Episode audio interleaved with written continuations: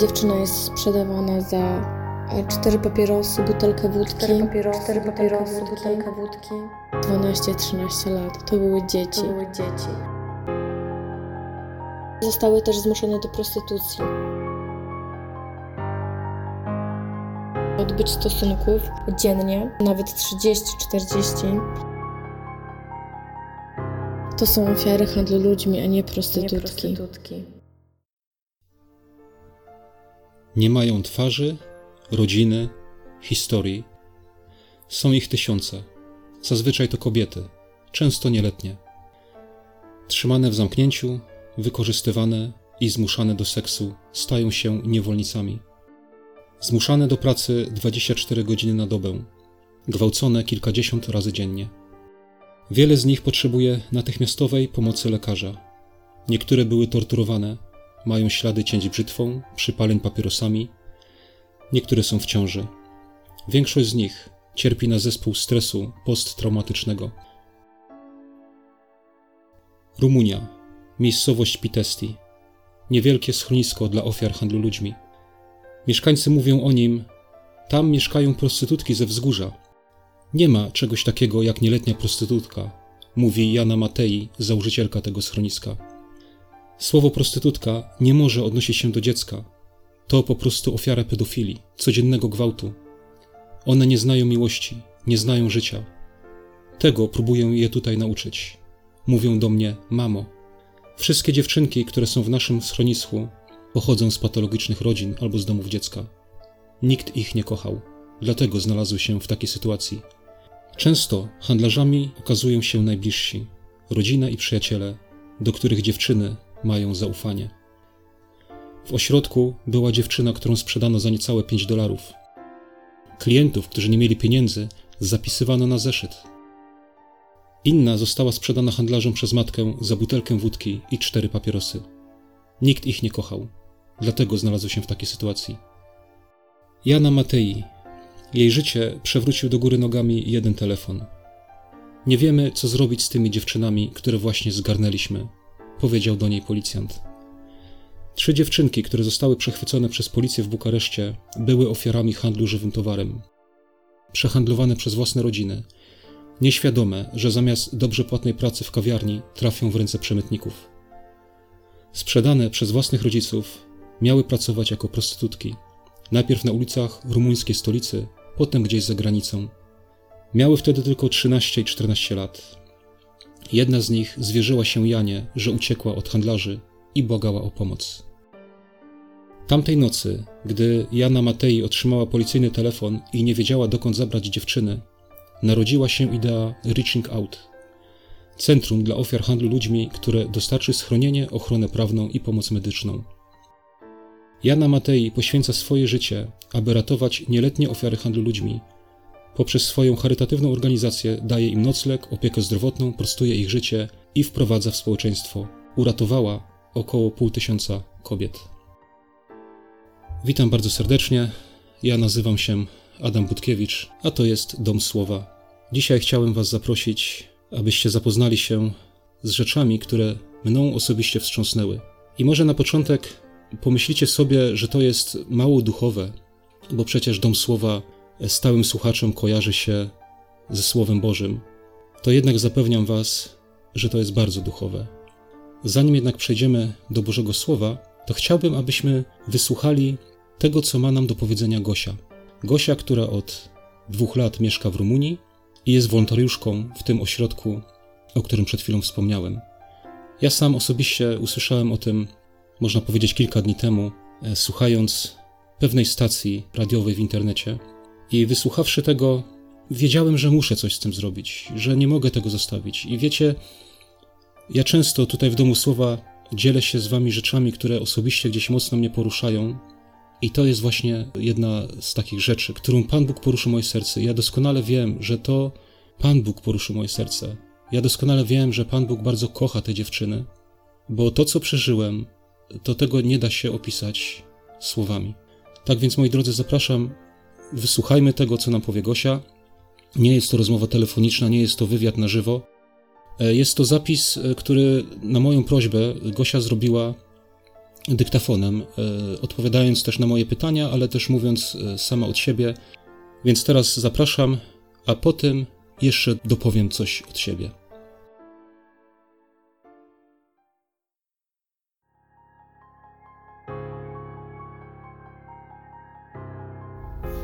Cześć. Może na początku zacznę od tego momentu, które ludzie nazywamy nawróceniem. Właściwie to, cóż, byłam do 19 roku życia taką osobą. Gdzieś tam czułam, że istnieje Bóg, że ma to jakieś znaczenie, ale, ale nie miałam, nie słyszałam o żadnej głębszej relacji z Bogiem. Oczywiście wychowałam się w katolickiej rodzinie, która chodziła do kościoła ale nie rozumiałam tego, więc przestałam chodzić do kościoła i tak naprawdę zajęłam się, zajęłam się swoim życiem, które niestety później mm, miałam taką dewizę życiową, że należy wszystkiego spróbować, więc e, skupiałam się głównie na narkotykach, alkoholu, zabawach, koncertach. No i tak naprawdę żyłam w okropnej, wszechogarniającej mi pustce. E, mam siostrę, która nawróciła się, jest ode mnie starsza, nawróciła się już dużo wcześniej niż ja. E, no i ona modliła się cały czas o mnie. I wydawało się, że jest to raczej inicjatywa bez żadnej przyszłości, ale przyszedł taki dzień, kiedy bardzo, bardzo jaskrawie udało mi się zobaczyć to, co robi ze swoim życiem, wszystkie swoje grzechy. I naprawdę gdzieś w głębi serca zapragnęłam kontaktu z Bogiem i przebaczenia. Myślę, że to było dla mnie wtedy najważniejsze. Moja siostra pomodliła się wtedy nade mną e, i wydaje mi się, że od tamtego momentu, od kiedy skończyłam 19 lat, moje życie przestało być. Po prostu porzuciłam te wszystkie rzeczy e, i postanowiłam, że już nigdy nie będę uważać tych rzeczy za jakieś osiągnięcia. Zaczęłam żyć zaczęłam czytać Biblię i zaczęłam po prostu przede wszystkim no, zaczęłam mieć relację z Bogiem i Jego miłość od tamtego momentu zawsze mi towarzyszyła i towarzyszy mi do dziś. Chociaż jak każdemu zdarzają mi się lepsze i gorsze dni. E, I oczywiście nie mówię, że moje życie pozbawione jest upadków, bo są, są oczywiście, ale myślę sobie, że po prostu nawrócenie daje człowiekowi taki drogowskaz. E, z każdego bagna naprawdę można wyjść. I nawet jeżeli sytuacja wydaje się beznadziejna, wiara jest takim, można powiedzieć, kompasem, który powoduje to, że Twoje życie wraca na odpowiednie tory i zawsze można wrócić. Niezależnie od tego, jak dużo opadków się zaliczyło, zawsze jest szansa powrotu. I to jest chyba w tym wszystkim najlepsze. Nadzieja na to, że, że nie jesteś sam. Angola była takim w sumie przełomowym momentem w moim życiu. Pojechałam do Angolii, e, pracowałam wtedy w korporacji, zwolniłam się z tej pracy i pojechałam do Angolii. Oczywiście przygotowywałam się e, do tej podróży przez, przez pół roku. Uczyłam się języka, w Angolii mówi się po portugalsku. Pojechałam z organizacją e, Fidesco. Pojechałam na jeden projekt, a okazało się, że potem rozwijałam kilka projektów w tym samym czasie. Robiliśmy projekt radiowy takie warsztaty e, dla uczniów Angolii, warsztaty prowadzone e, razem z radiowcami, razem z e, ludźmi, którzy pracowali w telewizji z Angolczykami. Uczyłam też języka angielskiego, pracowałam z dziećmi, które żyły na ulicy, w, mieszkały w takim ośrodku jak zostały zebrane z ulicy. No i dzięki jednej organizacji, dwóm właściwie, Fundacja dla Afryki się pomaga, Udało nam się zebrać chyba 10 tysięcy na szkolne przybory i na remont kanalizacji i zakup tego wszystkiego. E, więc e, właściwie tym zajmowałam się przez dwa lata. E, dlaczego pojechałam do Angolii? Tak naprawdę dlatego, ponieważ chciałam, żeby moje życie nie polegało tylko na pracy w korporacji i zarabianiu pieniędzy, gdyż nie są to cele mojego życia. Pomyślałam sobie też, że jeżeli umrę, co powiem Bogu, jeżeli zapyta mnie, mm, czy kiedykolwiek udało mi się coś zrobić dla drugiego człowieka, e, co ja mu wtedy powiem. I postanowiłam, że, że chciałabym, żeby moje życie było pełne jakichś takich historii, które Bóg mógłby potem zobaczyć, że nie pieniądze, nie jakaś kariera zawodowa były dla mnie ważne, bo to jest ważne oczywiście, ale, ale są rzeczy ważniejsze od tego. Więc e, mieszkam w Rumunii od jakiegoś czasu, od dwóch lat i od czterech miesięcy jestem wolontariuszem w ośrodku Reaching Out. E, to jest właściwie schronisko dla dziewczyn prowadzone przez e, Rumunkę Janę Matei, która od 98 roku zajmuje się już pomocą dziewczynom. Ona jest psychologiem, mieszkała też przez jakiś czas w Australii. Jej takim projektem życiowym właśnie jest to schronisko. I co robi Jana Matei? Przede wszystkim zajmuje się e, pomocą dziewczynom, które mają poniżej 18 lat, zostały sprzedane przez swoich rodziców, przez swoich znajomych, przez swoich chłopaków, e, no i zostały też zmuszone do prostytucji. Jest to problem bardzo duży w Rumunii. Chyba Rumunia jest jednym z europejskich krajów, w którym ten problem jest największy. Na czym polega moja rola w tym ośrodku? Ja spędzam z dziewczynami czas. E, organizuję też różne kampanie w internecie, e, jak ta kampania, którą, e, o której teraz Wam opowiem, budujemy, dom już jest zbudowany, ale wyposażamy nowy dom dla dziewczyn, tak żeby jeszcze więcej osób mogło z niego skorzystać e, i żeby jeszcze więcej dziewczyn mogło zostać uratowanych z ulicy. E, jak to się dzieje, że one są w ogóle ratowane, zabierane z tej ulicy? Policja przywozi je do Jany lub po prostu jest taki anonimowy telefon, na który można dzwonić. No i wtedy Jana przyjeżdża po nie samochodem, e, dziewczyna wsiada, jest zabierana i wtedy już e, ma szansę zostania w tym ośrodku. Niestety na przeszkodzie jeszcze stoi cały czas rumuńska biurokracja, która sprawia, że czasami po prostu ta dziewczyna musi przez jakiś czas czekać, aż przez, zostanie jej przyznane miejsce, gdzie e, Jana Matej właśnie poprzez tą prywatną inicjatywę stworzenie tego ośrodka Reaching Out jest szansa taka, że, że te dziewczyny po prostu nie czekają od razu są przewożone do ośrodka, e, no i tam mogą zostać do 18 lat. Niestety po tych 18 latach e, są uznawane za osoby dorosłe i muszą sobie radzić same. Nierzadko znowu wracają na ulicę, nierzadko znowu kontaktują się z tymi ludźmi, e, którzy je skrzywdzili, dlatego że człowiek, jak ma 18 lat, nie zawsze myśli racjonalnie, zwłaszcza jak ma za sobą tak traumatyczne doświadczenia. Jeżeli chodzi o te rzeczy, które mi się przytrafiły, nie mam tak wielu informacji na ten temat. Wiem, że na pewno e, były, niektóre z nich były torturowane, zmuszane, e, oblewane zimną wodą, gwałcone, no po prostu wiązane, wszystko co można sobie wyobrazić. Ale też na ten temat nie rozmawiam, mam tylko takie informacje e, z reportaży i z rozmów z Janą. Też niestety często są zarażone chorobami wenerycznymi, mają potem problemy. Też e, rozmawiałam z Janą na ten temat, mówię, że większość przecież z tych mężczyzn ma córki. Ona mówi tak, tylko że ich córka tych mężczyzn to jest e, inny typ człowieka, a te dziewczyny istnieją tylko po to, e, żeby spełniać zachcianki tych mężczyzn, czyli jakby rozgraniczają, że są ludzie lepsi i gorsi, ludzie ważni i ważniejsi. No i w ich kategoriach po prostu te biedne dziewczyny nie mają wielkiej wartości. Niestety tutaj w takim świecie chyba pieniądza, no to ludzie, którzy nie mają ich, nie są tak samo traktowani jak, jak ci, którzy mają. No więc historie są bardzo różne. Od e, takich najbardziej chyba kontrowersyjnych, e, kiedy dziewczyna jest sprzedawana za e, cztery papierosy, butelkę wódki, po takie bardziej, można powiedzieć, po takie bardziej cywilizowane, kiedy po prostu sama decyduje się e, na taki krok.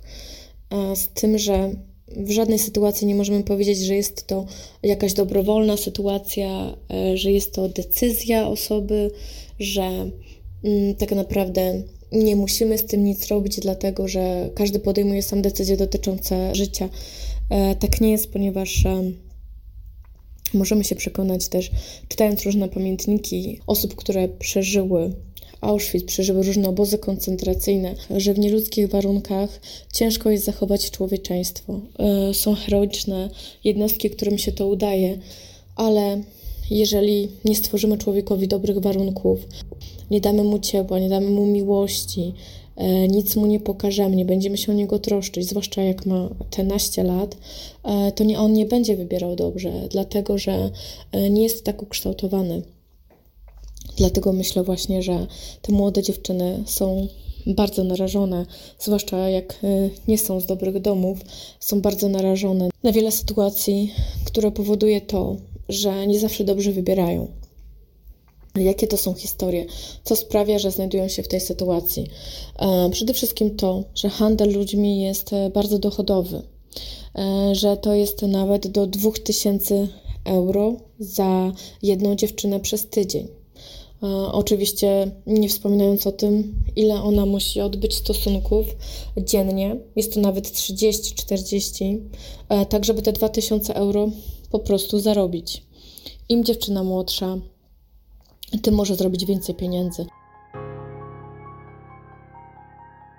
W naszym ośrodku mamy też dziewczynę, e, nazywa się Jazur, ma 15 lat, jest w ciąży nie wiadomo z kim, jest w ciąży po prostu z jakimś e, klientem.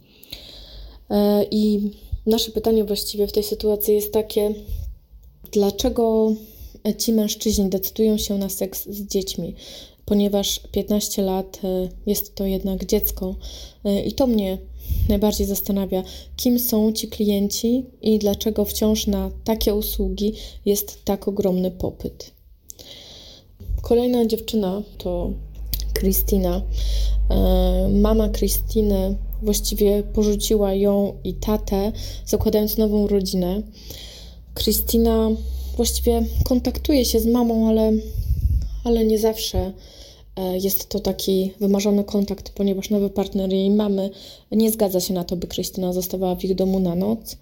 E, ma także tatę, bardzo dobrego tatę, który niestety e, po tej historii, jak porzuciła go żona z malutkim dzieckiem, załamał się. E, być może kochał bardzo Krystynę i zajmował się nią, ale być może nie dostała od niego ciepła, miłości. Wyprowadzili się do Hiszpanii. Krystyna niestety jest uzależniona od narkotyków. Była sprzedana przez swoich kolejnych chłopaków, partnerów, którzy wykorzystywali jej sytuację, jej łatwowierność, e, jej ciągłą pogoń za miłością. Dwa tygodnie temu niestety uciekła. Wróciła teraz do nas, ale nie wiemy, jaką dalej podejmie decyzję, gdyż Krystyna ma już 17 lat. Niedługo skończy 18 lat, więc będzie mogła decydować o sobie. Być może zdecyduje, że wraca do poprzedniego życia. Pewnie teraz e, niektórzy mogą pomyśleć, że no to skoro mm, są takie sytuacje, że te dziewczyny po prostu mogą wrócić na ulicę, no to po co to wszystko, po co te, e, po co te ośrodki, e, po co ta walka? A walka jest po to, że tak naprawdę człowiek jak podejmie jakąś złą decyzję, zawsze będzie, zawsze jest możliwość powrotu. I jeżeli my w tym ośrodku pokażemy im, e, że mogą się uczyć, mogą rozwijać swoje zainteresowania, nawet jeżeli one teraz z tego nie skorzystają. Ja wierzę w to, że to procentuje na przyszłość. Każde dobro, które kiedykolwiek komuś zrobiliśmy, zapada to w człowieka głęboko e, i być może być może, to nie jest na pewno, ale w przyszłości będzie miał okazję skorzystać z tego potencjału, który w nim jest i przypomnieć sobie, słowa, przypomnieć sobie rady osób, które e, na pewno dobrze życzyły tej osobie. Czasem przypomina to budowanie zamków na piasku, ale tak naprawdę to są trwałe fundamenty dla tych dziewczyn, z których one potem mogą skorzystać. Mamy też w ośrodku kilka dziewcząt, które zostało sprzedanych przez własnych rodziców. Mamy jedną dziewczynkę, która nie jest niepełnosprawna, ale e, tutaj być może występuje ten zespół FAS, czyli e, ten zespół pojawiający się, kiedy mama używa, nadużywa alkoholu w ciąży. No więc mama Anki nadużywała alkoholu. Mama Anki sama jest prostytutką i wykorzystywała też do tego celu swoją córkę, prostytuując ją na ulicy. Anka jest czasem smutna, dlatego że ma teraz 17 lat.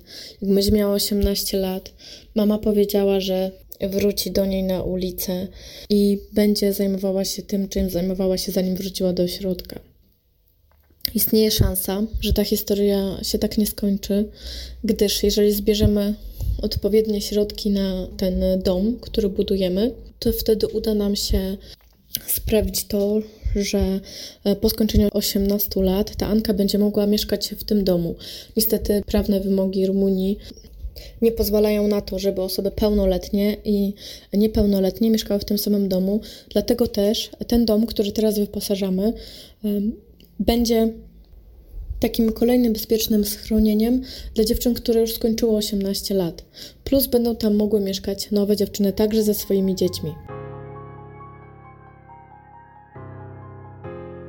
Kolejną historią jest historia Roberty, która urodziła się we Włoszech i miała, można powiedzieć, do pewnego momentu dobrych rodziców, no ale zaczęli też, przeprowadzili się potem do Szwajcarii, zaczęli Krystynę po prostu sprzedawać e, innym mężczyznom.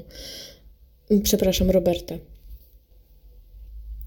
To, co jeszcze chciałabym powiedzieć, to to, że większość z dziewczyn musi brać silne leki psychotropowe e, i być poddawana właśnie psychoterapii.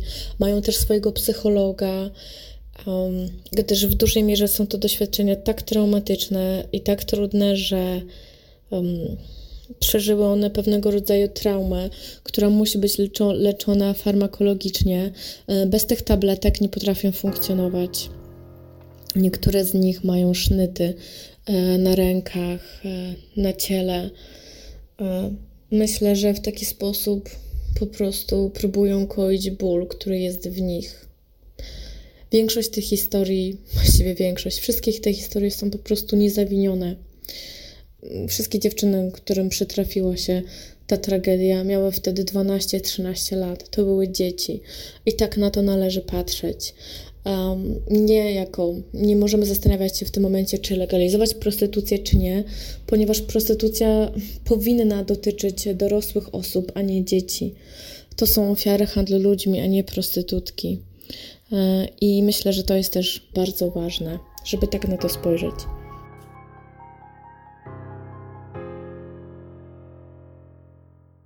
Jak sobie radzimy my, a właściwie nie ja, bo ja jestem tylko wolontariuszem, e, choć oczywiście też czuję się bardzo związana z dziewczynami. Więc rozmawiałam o tym z Janą, jak ona sobie radzi z tym, że e, są takie sytuacje. No ona mi powiedziała, że właściwie jej serce jest złamane każdego dnia po kilka razy, ale w Bogu jest nadzieja.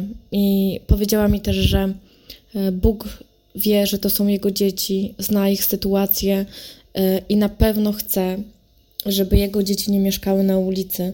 Dlatego Dalej, od 98 roku właściwie to jest dla mnie jeden wielki cud, że ten, ten ośrodek ciągle działa, ciągle ma pieniądze yy, i to jest naprawdę wspaniałe, bo yy, myślę, że tu też jest taka duża moc Boga w tym, więc myślę, że właśnie On cały czas daje Janie nadzieję i siłę na to, że jednak warto, bo naprawdę warto.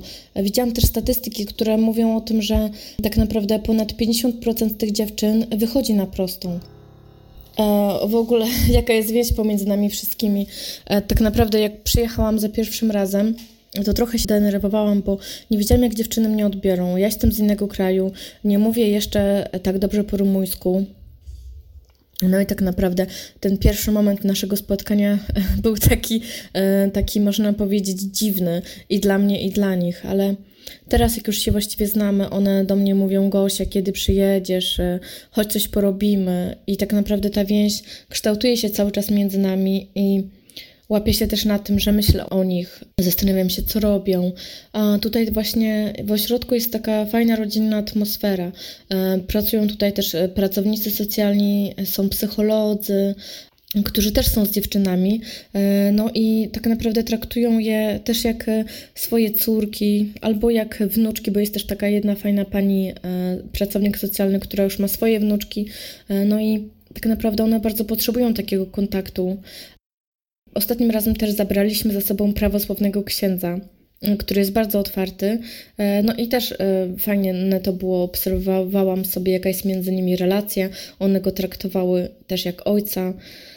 Wydaje mi się, że one znają mężczyzn po prostu tylko z jednej strony, a nie, nie miały, większość z nich nie miała dobrych e, wzorców w domu, więc e, tak naprawdę rola ojca jest tutaj im bardzo potrzebna, chociaż one też nie wiedzą, Trudno sobie po prostu wyobrazić też, jak Bóg może być dobrym ojcem, skoro też nigdy nie miały dobrego ojca, ale myślę właśnie, że poprzez spotykanie e, innych mężczyzn na swojej drodze, którzy nie chcą ich wykorzystywać, e, też jest takim dobrym wydarzeniem.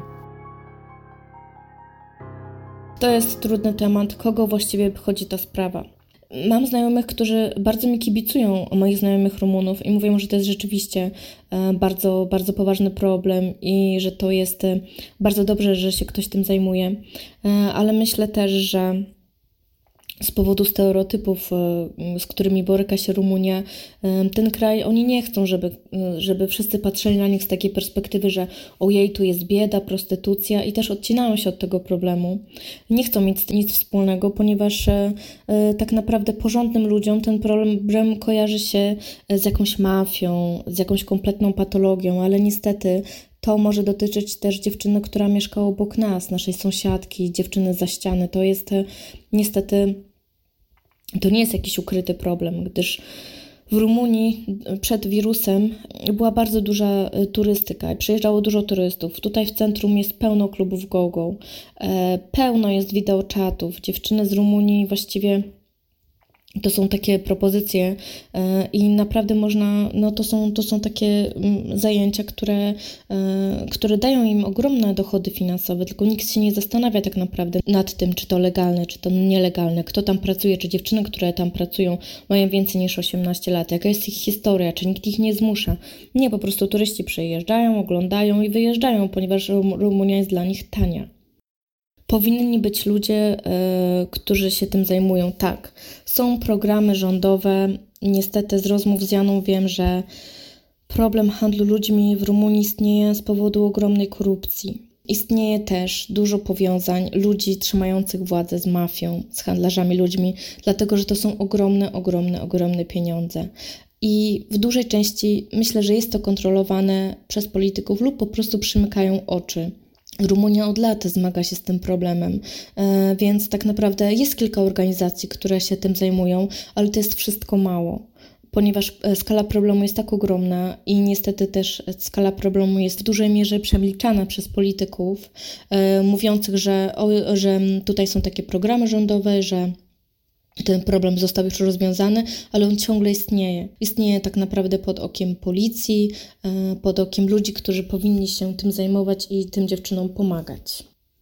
Z rozmów z Janą zrozumiałam też to, że e, kary więzienia dla ludzi, którzy się tym zajmują, nie są wysokie, o ile w ogóle są. Wychodzą za kaucją, a te dziewczyny po prostu boją się przeciwko nim zeznawać, gdyż to nie są mili e, jacyś tam przestępcy, to są po prostu niebezpieczni ludzie którzy mogą zrobić krzywdę im i ich rodzinom.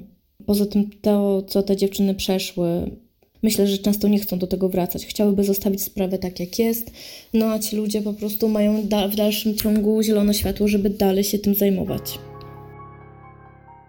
Czy jako chrześcijanka y, próbuję mówić im coś o Bogu?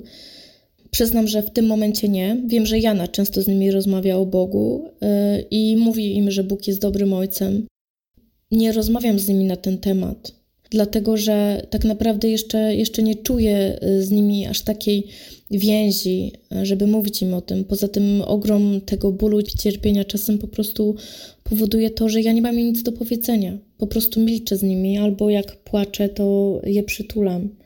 Jana jest adwentystką. E, widziałam też dużo książek, które mówią o Duchu Świętym, o Jezusie, o Bogu, więc tak, myślę, że tak naprawdę gdyby Jana nie była wierzącą osobą, nie robiłaby tego, bo siłę do działania tego środka może dać tylko Bóg. Zwłaszcza, że e, Jana e, miała męża, ale nie ma go już od lat ma syna, który ma już rodzinę i po prostu ona ciągnie to wszystko sama. Więc myślę, że bez Boga to nie byłoby możliwe. I oczywiście bez przyjaciół, którzy też jej, jej towarzyszą, no ale tak naprawdę odpowiedzialność spoczywa na niej. Jest tak naprawdę wiele pozytywnych historii e, dziewczyn, które z tego wyszły, które mają teraz rodziny, które mają dom, dzwonią często do Jany. E, Jana mówiła też, że one jak wychodziły z ośrodka, zarzekały się, że już nigdy nie będą z mężczyzną, nigdy nie będą chciały mieć dzieci, no ale tak naprawdę czas być może leczy rany i um, po pewnym czasie poznały jakichś dobrych, fajnych facetów i mają te rodziny, mają dzieci, więc, więc jest to możliwe. I to jest piękne w tych historiach, że to jest możliwe, że być może, jeżeli nawet nigdy nie zapomnisz, już nie, one do tego już nie wracają, bo dostały nową szansę i tak naprawdę y, mają takie życie, o jakim marzyły. I wydaje mi się, że dla takich historii warto jest walczyć. Jak ja tam trafiłam e, na YouTubie, zobaczyłam e, taki właśnie reportaż e, poświęcony Janie i jej ośrodkowi. Napisałam do niej, spotkałyśmy się i tak na, i cały czas tam jeżdżę, cały czas tam jestem, więc ja po prostu z filmu na YouTubie ją znalazłam. Oglądałam jakiś film dotyczący handlu ludźmi w Rumunii. Wiedziałam, że jest to problem już przedtem tak naprawdę teraz zbieramy na wyposażenie i umeblowanie nowego domu dla dziewczyn, tak, żeby po prostu można było jeszcze większej ilości dziewcząt pomóc. Tam będzie też większy salon, są trzy sypialnie. Brakuje tak naprawdę nam pieniędzy na meble, na instalację elektryczną i na, na rozwiązanie jakoś problemu kanalizacji jako że dom już stoi i dużo rzeczy tam jest, obliczyliśmy, że e, koszty pozostałe to będzie około 20 tysięcy złotych. Mamy na razie 8 e, tysięcy, co jest dla mnie niesamowite, ponieważ po miesiącu mieliśmy już te pieniądze. Tak naprawdę potrzebujemy jeszcze 12 tysięcy e, i myślę, że jak kilkadziesiąt ludzi dobrej woli zbierze się, że tak powiem, do kupy, to na pewno nam się uda. Także jeżeli chcielibyście wesprzeć nasz projekt, to bardzo byłoby mi miło i, e, i zapraszam do tego. Jak można wesprzeć ośrodek, to na stronie, tam jest w kontaktach, jest numer konta, można wpłacać, e, można tam przez PayPal albo po prostu zwyczajnie używając karty. Oczywiście można wpłacać pieniążki, jeżeli ktoś chce. Ja teraz też piszę projekt, e, ubiegamy się o grant, który ma na celu sfinansowanie potrzeb ośrodka. Wydatki miesięczne to około 8-9 tysięcy euro e, na miesiąc, żeby, żeby ten ośrodek dla sześciu dziewcząt mógł funkcjonować. To są tak koszty prawników, koszty leków, koszty dentysty, e, psychologa, e, paliwo, szkoła, no wszystko, co można sobie wyobrazić. E, zwłaszcza, że tutaj prawnicy nie są najtańszą inwestycją, a jednak po prostu chcemy, żeby ta sprawiedli sprawiedliwości stało się zadość i chcemy, żeby te dziewczyny mogły, miały taką szansę zeznawania przeciwko swoim gwałcicielom, ludziom, którzy je porwali w sądzie. I na to też idzie niestety e, sporo pieniążków. Utrzymanie domu też jest e, drogie, e, więc żeby ten ośrodek funkcjonował i miał jakąś rację bytu, bo właśnie potrzebujemy 8 tysięcy euro na miesiąc. Tak jak mówiłam wcześniej, teraz zajmuję się pisaniem takiego projektu dla nich, tak żeby po prostu uzyskać ten grant e, z organizacji e, niemieckich lub e, w Skandynawii jest dużo takich organizacji, więc teraz się tym zajmuję, ale oczywiście można wpłacać jak, jak najbardziej. Wszystkie, że tak powiem, donacje są mile widziane i zapraszamy tutaj, jak mówiłam, na stronie Reaching Out RO. Jest tutaj, jest, wszystkie są wskazówki, jak można nas wesprzeć. No i oczywiście można nas jeszcze wesprzeć na platformie pomagam.pl kośnik Romania. Tam znajdziecie informacje o tej mojej zbiórce, tam jest wszystko opisane, jest też film, ten o którym mówiłam, ten reportaż z YouTube'a e, i tam tak naprawdę e, Was odsyłam, jakbyście po prostu chcieli się jeszcze czegoś dowiedzieć i oczywiście też zapraszam do kontaktu ze mną. Zastanawiałam się, jak można odpowiedzieć na pytanie, co możemy zrobić, więc przede wszystkim wydaje mi się, że reagować. Często te dziewczyny też e, stoją gdzieś tam przy drodze. Wydaje mi się, że dobrym pomysłem jest po prostu zapytać, e, czy wszystko jest ok. Zdobyć też zaufanie takiej dziewczyny jest trudno, zwłaszcza jeżeli jest się mężczyzną, ale wydaje mi się, że zawsze warto zapytać, nawet e, ryzykując może e, jakiś brak reakcji czy jakąś negatywną reakcję. E, wydaje mi się, że, że to jest najważniejsze, żeby nie zamykać oczu na ten problem, żeby nie udawać, że tego nie ma. Widziałam kiedyś relację na YouTubie jednej dziewczyny, która powiedziała, że ona pracowała w salonie masażu w Kanadzie i gdyby choć jedna osoba wtedy powiedziała jej, nie musisz tego robić, albo zapytała ją, jakie są jej plany na życie, ona by się zastanowiła, tylko po prostu mm, nikt jakby nigdy nie dał jej do zrozumienia, że jest warta coś więcej. Co tu zrobić? Wydaje mi się, że niestety akurat w Rumunii powiązania polityczne i korupcja to są tak poważne dwa społeczne problemy, e, że tutaj to musiałoby zostać zmienione na takim szczeblu legislacyjnym. Tak, tak jak Jana mówiła o tym, że, e, że to musiało być wdrożone nowe prawo, musieliby wdrożyć to prawo ludzie, którzy nie mają pobrudzonych rąk tym procederem, którzy naprawdę chcą coś zmienić, więc to powinno być zmienione też w taki sposób, żeby po prostu ci trafikerzy nie mieli znajomości w polityce, żeby zostali też e, gdyby kary, gdyby, żeby wprowadzone zostało takie prawo, że to nie ofiara ma się wstydzić, nie ofiara jest karana, tylko sprawca. To powinno być zmienione i, i w taki sposób wydaje mi się, że to są niestety lata, lata e, pracy. I czy to w Rumunii się zmieniło? Na pewno kiedyś ten proceder był przede wszystkim e, mniej kontrolowany, e, był jakby było większe na to przyzwolenie, no ale z opowieści Jany wynika, że teraz nie jest lepiej.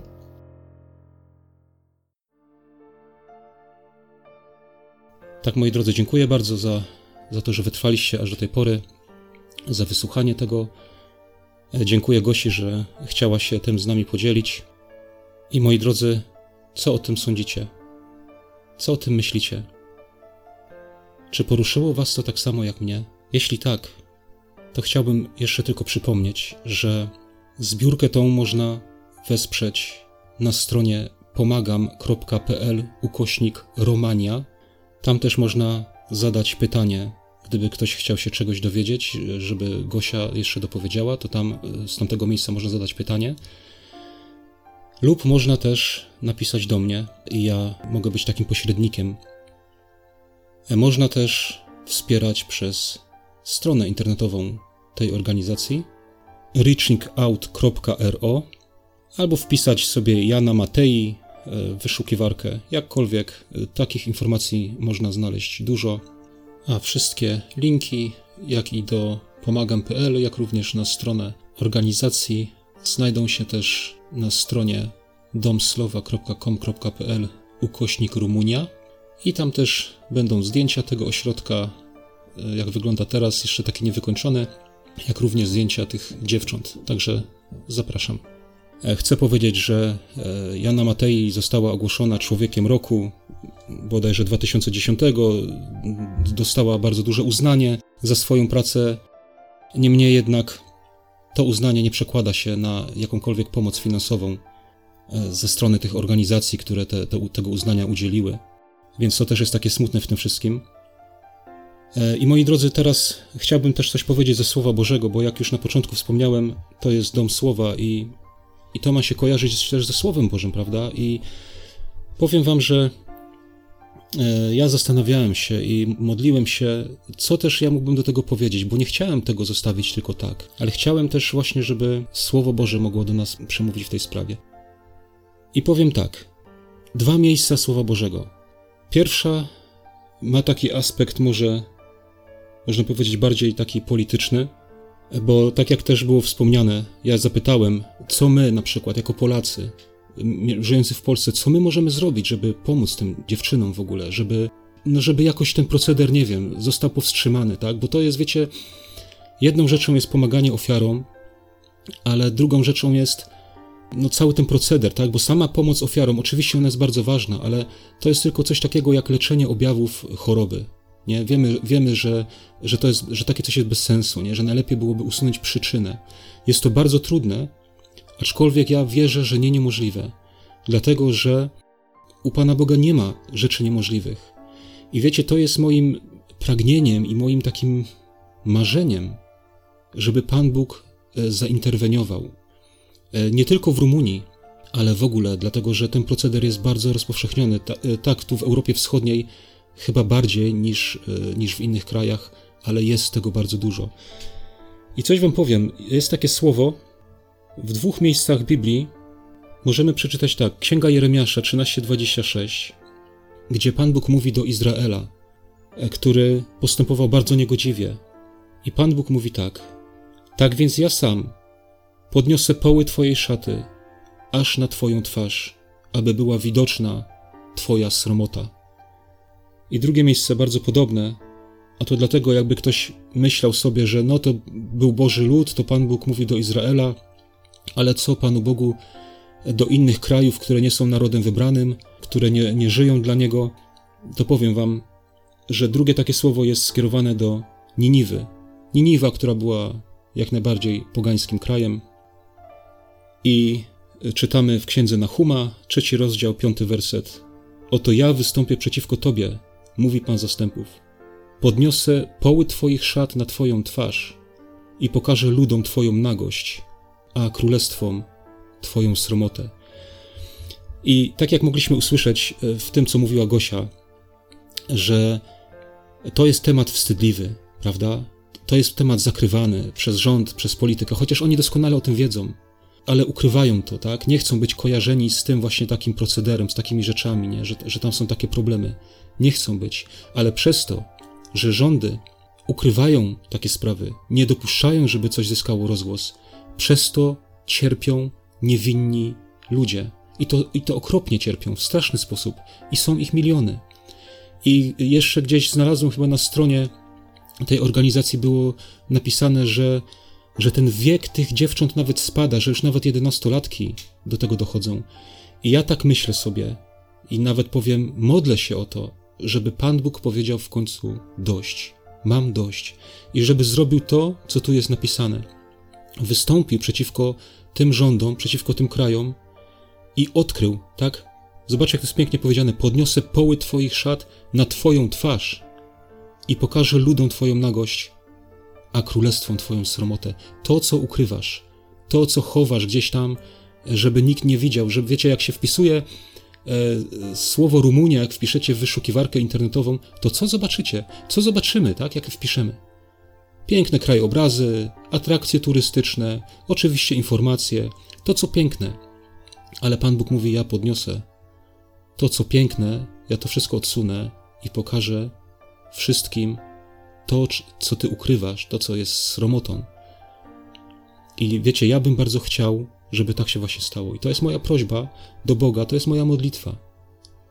Żeby przez zaniechania rządu, przez korupcję polityków, przez wszelkiego rodzaju zaniechania i, i, i nieprawość i wypaczone umysły ludzkie, aby więcej ludzie i niewinne osoby nie musiały cierpieć w tak straszny sposób. I drugą rzeczą, którą chciałem się z Wami podzielić w tej sprawie, to jest, słuchajcie, przypowieść o miłosiernym Samarytaninie. Bo ja w tej całej historii i w tym wszystkim zobaczyłem tą przypowieść w działaniu. Nie tylko jako, wiecie, piękna przypowieść, która tak ładnie brzmi i, możemy się tak ładnie rozmarzyć, wiesz, takie, takie ckliwe, nie? Nie, to jest w, dzia w działaniu. Mogliśmy zobaczyć w działaniu i kochani, tak jak wcześniej wspomniałem, że można pomyśleć, że to nie jest duchowe, to właśnie e, w tych aspektach widzę, że to jest bardzo duchowe. Dlatego, że duchowość chrześcijaństwa nie polega tylko na tym, żebyśmy czegoś słuchali, żebyśmy, e, wiecie, śpiewali, i nie wiem, obracali się w takim, no, w takim, w takim własnym sosie się kąpali, nie? W takim chrześcijańskim. Nie. Chrześcijaństwo, duchowość chrześcijaństwa to też jest praktyka, to jest życie. Przeczytam teraz kawałek Ewangelii Łukasza, 10 rozdział i od 29 wersetu mamy przypowieść o miłosiernym Samarytaninie. Pozwólcie, że przeczytam. On zaś, chcąc się usprawiedliwić, rzekł do Jezusa: A kto jest bliźnim moim? A Jezus, nawiązując do tego, rzekł: Pewien człowiek szedł z Jerozolimy do Jericha i wpadł w ręce zbójców, którzy go obrabowali, poranili i odeszli, zostawiając go na pół umarłego. Przypadkiem szedł tą drogą jakiś kapłan i zobaczywszy go, przeszedł mimo. Podobnie i Lewita, gdy przyszedł na to miejsce i zobaczył go, przeszedł mimo. Pewien Samarytanin zaś, podróżując tędy, podjechał do niego i ujrzawszy, ulitował się nad nim. I podszedłszy, opatrzył jego rany, zalewając je oliwą i winem, po czym wsadził go na swoje bydle, zawiózł do gospody i opiekował się nim. A nazajutrz dobył dwa denary, dał je gospodarzowi i rzekł: Opiekuj się nim, a co wydasz ponadto, ja w drodze powrotnej oddam ci. Który z tych trzech, zdaniem twoim, był bliźnim temu, który wpadł w ręce zbójców? A on odrzekł: Ten, który się ulitował nad nim. Rzekł mu Jezus: Idź i ty czyń podobnie. I na pierwszy rzut oka można by pomyśleć, co to ma wspólnego jedno z drugim. Wiecie, ja wam powiem, ja słuchając tej audycji radiowej i słuchając tego, co mówi Gosia, mógłbym powiedzieć tak: wędrowałem sobie przez stacje radiowe w internecie. I idąc tak sobie po drodze, ujrzałem te dziewczyny, o których mówiła Gosia. Zobaczyłem je i nie przeszedłem mimo, ale postanowiłem podjechać bliżej, przyjrzeć się.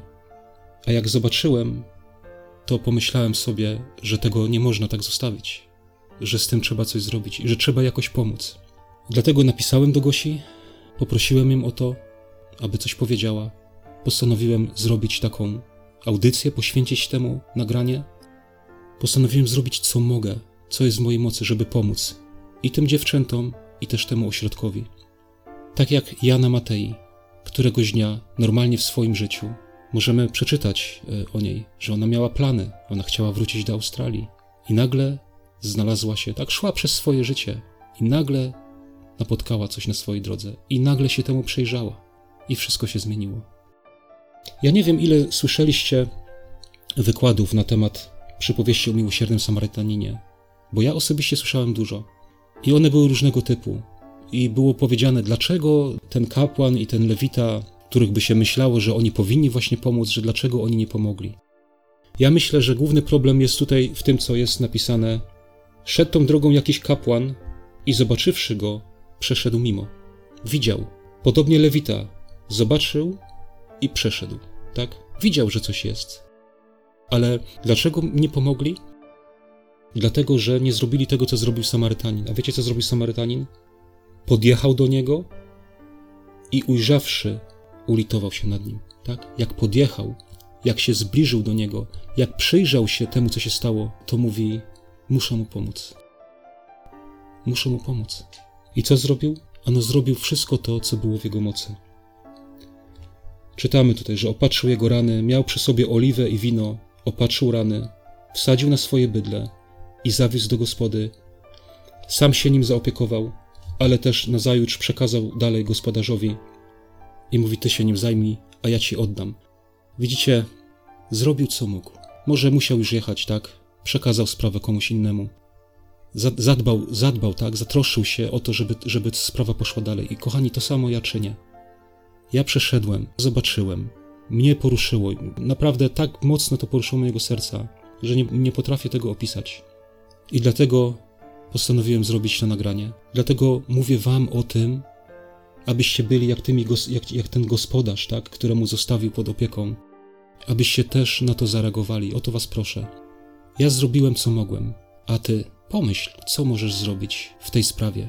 Wiecie, ja specjalnie chciałem, żeby to tak było bardziej opowiedziane, nie? Może ktoś powie, że to za długo, może ktoś powie, że to, że to może niepotrzebne, ale właśnie potrzebne. Dlatego, że żebyśmy się temu przyjrzeli, żebyśmy to zobaczyli. Że to nie jest tylko takie coś powierzchownego, tak? Ale żeby to gdzieś głębiej do nas dotarło. Bracie, siostro, pomyśl, co możesz zrobić.